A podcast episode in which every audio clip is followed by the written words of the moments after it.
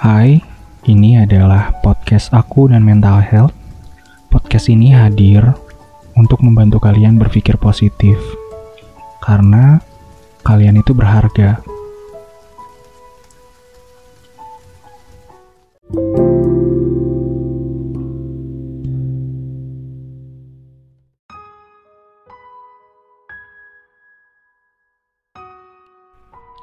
Hai, ini adalah menghayati episode ke-6.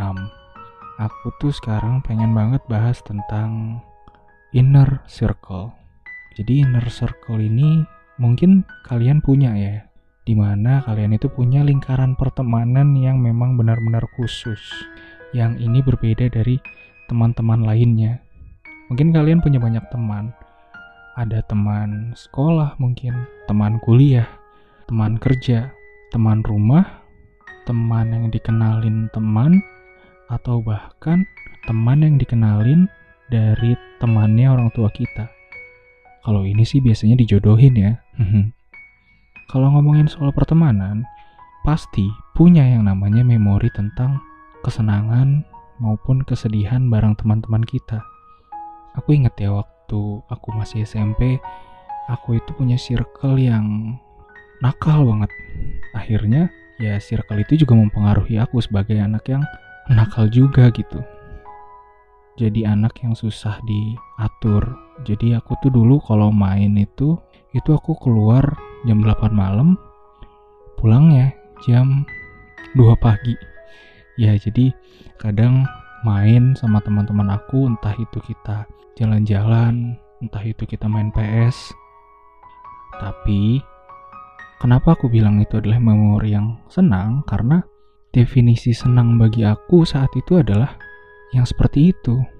Having fun menurut aku itu adalah sesuatu di mana aku bisa mengekspresikan hidupku seperti yang circleku lakukan.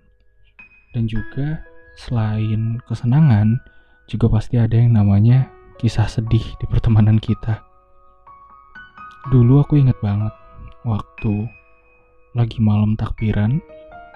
Ya biasa ya, kita takbiran, kita nyewa mobil terus kita jalan-jalan keliling kota Jakarta gitu. Ada juga aku ngeliat kalau di sekitar aku tuh banyak anak-anak dari daerah lain ya yang mereka juga nyewa mobil uh, mengumandangkan takbir di atas mobil yang mereka sewa. Begitupun juga teman-temanku. Kita di atas mobil yang kita sewa kebetulan saat itu yang aku sewa adalah uh, bis kota. Jelas ini kan melanggar peraturan ya. Dan akhirnya ketemu dengan polisi terus kita ditegur dan disuruh turun. Dan yang bikin aku nggak nyangka adalah ternyata salah satu dari polisi. Jadi polisinya ini ada banyak sekitar 5 sampai 7 orang gitu deh. Kami semua disuruh turun. Terus salah satu polisi yang ada dari posisi belakang itu datang ke arah kami dengan menunjukkan satu buah narkotika gitu aku dan teman-teman aku yang nggak tahu apa-apa ya panik dong ya kan? Gimana ceritanya? Orang lagi asik-asik takbiran kok tiba-tiba diberhentiin polisi ya wajar lah karena kita salah karena posisinya di atas bis kota yang kami sewa. Tapi ini persoalan narkotika ya. kami belum paham soal itu. Akhirnya ya kalau nggak ada yang aku maka kami semua akan dibawa ke kantor polisi. Dan ini adalah pengalaman di mana yang ngerasain sedih tapi juga bingung. Merasakan ancaman tapi aku nggak ngelakuin. Tapi buktinya ada. Ini adalah sepenggal dari kisah masa laluku ya. Entah senang dan sedihnya. Uh, wajar lah karena aku anak nakal dulunya. Jadi kenangannya entah yang senangnya atau yang sedihnya itu seperti itu. Dari sini sebenarnya yang namanya circle itu adalah hal dari luar diri kita yang mempengaruhi diri kita, ya teman-teman yang kita anggap dekat dengan kita itu. Pertemanan ini memberikan pengaruh, entah pengaruh yang membangun atau pengaruh yang justru menghancurkan. Aku udah sering banget bergonta-ganti inner circle karena memang konteksnya selalu berubah ya. SMP aku lebih banyak main sama circle ini, lulus kemudian di SMA aku lebih banyak bergaul dengan circle ini, circle ini dan circle ini. Kemudian makin dewasa, circle-nya itu makin mengerucut dan makin sedikit. dari sini, circle-circle yang pernah kita singgahi itu banyak memberikan kita efek. Bisa bermanfaat, bisa juga merusak. Itu contohnya ya bagi aku, salah satunya yang tadi aku sebutin. Karena satu orang yang tidak bertanggung jawab dalam circleku, maka yang harus menanggung akibatnya itu adalah seluruh orang-orang yang ada di circle tersebut. Dan aku juga punya circle-circle yang membangun, di mana circle ini bukan hanya membangun karakter, tapi juga membangun aku secara intelijensi dan juga soft skill ya terutama. Lanjut dengan kondisi diri kita yang semakin dewasa. Ketika kita bercermin, mungkin kita melihat perkembangan diri kita dari hari ke hari. Ada yang tadinya ngerasa langit-langit kamar kita itu terasa tinggi banget, tapi sekarang kok jaraknya makin dekat. Ada yang merasa celananya dulu ukuran M itu bisa masuk bahkan sisa gitu bahannya. Tapi sekarang ukuran L aja udah kesempitan. Atau ada juga yang tadinya itu nggak peduli sama diri gitu. Sekarang jadi orang yang ngerawat banget dirinya. Pakai skincare, nggak bisa kena debu sedikit. Tapi selain hal-hal yang barusan aku sebutin, kondisi seseorang yang semakin dewasa, maka ini juga akan mempengaruhi mimpinya. Seseorang yang tadinya mungkin waktu kecil impiannya pengen jadi, kalau dulu ya, pengen jadi presiden, jadi dokter, jadi astronot, jadi pilot. Ketika dewasa, mungkin sebagian masih ada yang pengen jadi dokter, jadi pilot. Tapi mungkin ada juga sebagian yang mulai tergerus impiannya atau sudah makin mengerucut lagi impiannya. Ada yang pengen jadi desainer, ada yang pengen jadi chef, ada yang mau jadi motivator. Lagi-lagi kondisi impian seseorang itu juga dipengaruhi oleh inner circle-nya.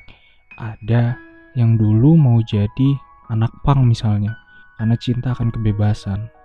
Tapi setelah makin dewasa, umurnya makin menua, impiannya berubah. Impiannya bukan lagi ingin hidup bebas, tapi bisa menjalankan tanggung jawab sebagai orang tua, ingin menikah, ingin punya anak, ingin punya keluarga yang bahagia, yang kondisi ekonominya stabil, yang selalu harmonis. Nah, kondisi-kondisi semacam ini ini juga dipengaruhi oleh siapa? Pasti oleh referensi-referensi luar yang menghampiri kita atau sebaliknya kita yang menghampiri referensi-referensi tersebut karena awalnya ingin tahu, penasaran, dilihat dunianya ternyata asik, ternyata dunianya menghasilkan secara materi, ternyata dunianya adalah dunia yang benar-benar bisa membangun semangatnya. Inilah kenapa sebenarnya aku pengen bahas tentang inner circle. Hal apa yang pengen aku bahas tentang inner circle? yaitu adalah potensi inner circle terhadap kedirian kita. Kayak yang aku bilang tadi, semakin kita kecil dulu, yang kita pikirkan hanya bagaimana kita bisa main seenaknya. Buat anak-anak yang cowok, kalau belum disamperin emak atau belum azan, mungkin belum bubar main bolanya. Buat yang cewek, mungkin kalau belum disuruh pulang sama ayahnya, dia masih main-main sama teman-temannya ke mall, ke tempat permainan gitu, atau belanja-belanja. Habis makin dewasa, justru yang kita lihat itu adalah bagaimana kita itu bisa mean something. Dibanding ketika kita merasa kita itu nggak berarti apa-apa. Nah, di sinilah peran dari inner circle. Itu bisa memberikan efek yang positif, bisa membangun seseorang menjadi lebih baik, bisa membantu seseorang melewati fase-fase di mana dia harus berhenti sejenak untuk memikirkan jalan mana yang harus dia ambil. Inner circle yang positif pasti akan selalu membangun pandangan bahwa impian kita itu selalu besar. Lantas yang negatif yang bagaimana? Yang negatif justru membuat impian kita semakin mengecil tiap harinya. Bahkan pada kondisi tertentu, inner circle yang negatif ini bisa membuat kita merasa bahwa selama ini impian kita yang besar itu, itu nggak ada gunanya. Kita seakan dibawa untuk teralihkan dari dunia yang seharusnya kita usahakan supaya bisa sukses menjadi dunia yang berbeda, yang justru bukan lagi membangun, tapi mendekonstruksi, membongkar diri kita. Ibarat kalian itu udah menyusun puzzle ya, menjadi kepingan-kepingan yang mulai terasa jelas seperti apa gambarnya. Lalu bayangkan ketika ada orang yang mengambil satu demi satu kepingan ini. Suatu saat, kita bukan hanya tidak bisa melihat dengan jelas, tapi ya tidak ada gambar yang bisa kita lihat. We lost the bigger picture. Inilah kenapa sekarang-sekarang ini positive vibes atau getaran positif atau lingkungan yang positif untuk membangun seseorang, untuk menjaga mental seseorang. Karena apa? Iya, seseorang itu harus membangun dirinya sendiri, harus bisa memutuskan dengan pertimbangannya sendiri, harus bisa menjadi orang yang berdiri sendiri. Tapi dari mana pengetahuan, wawasan, prinsip yang kita miliki ini semua berasal dari mana? Dari preferensi kita terhadap dunia luar di mana kita ada di situ. Secara otomatis, yang paling berpengaruh adalah inner circle kita. Inilah kenapa hati-hati ketika memilih inner circle. Inner circle yang positif akan memberikan positive vibes, sedangkan inner circle yang negatif getarannya akan berbeda. Yang satu membangun diri kita, mengingatkan kita bagaimana bigger picture dari apa yang ingin kita tuju. Seperti apa usaha yang harus dilakukan? Hal apa yang harus dihilangkan yang bisa menghambat usaha tersebut? Sedangkan yang satu lagi membuat impian kita yang sudah baik hilang. Membuat karakter kita yang kita susah payah bangun menjadi orang yang baik bisa mean something menjadi orang yang mean nothing.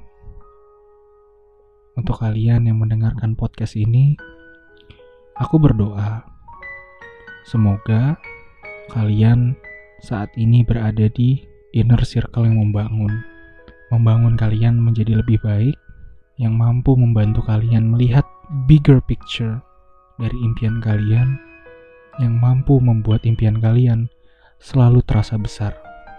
Dan bagi kalian yang merasa bahwa inner circle kalian itu justru tidak membawa positive vibes, mungkin terkadang tidak ada salahnya bagi kita untuk mengusahakan membangun positive vibes itu.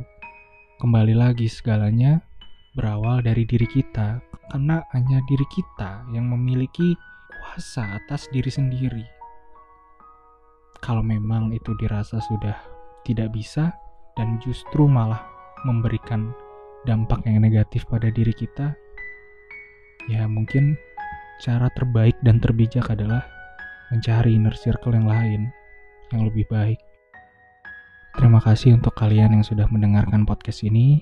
Aku akuin mungkin di awal-awal podcast ini aku punya beberapa kekurangan.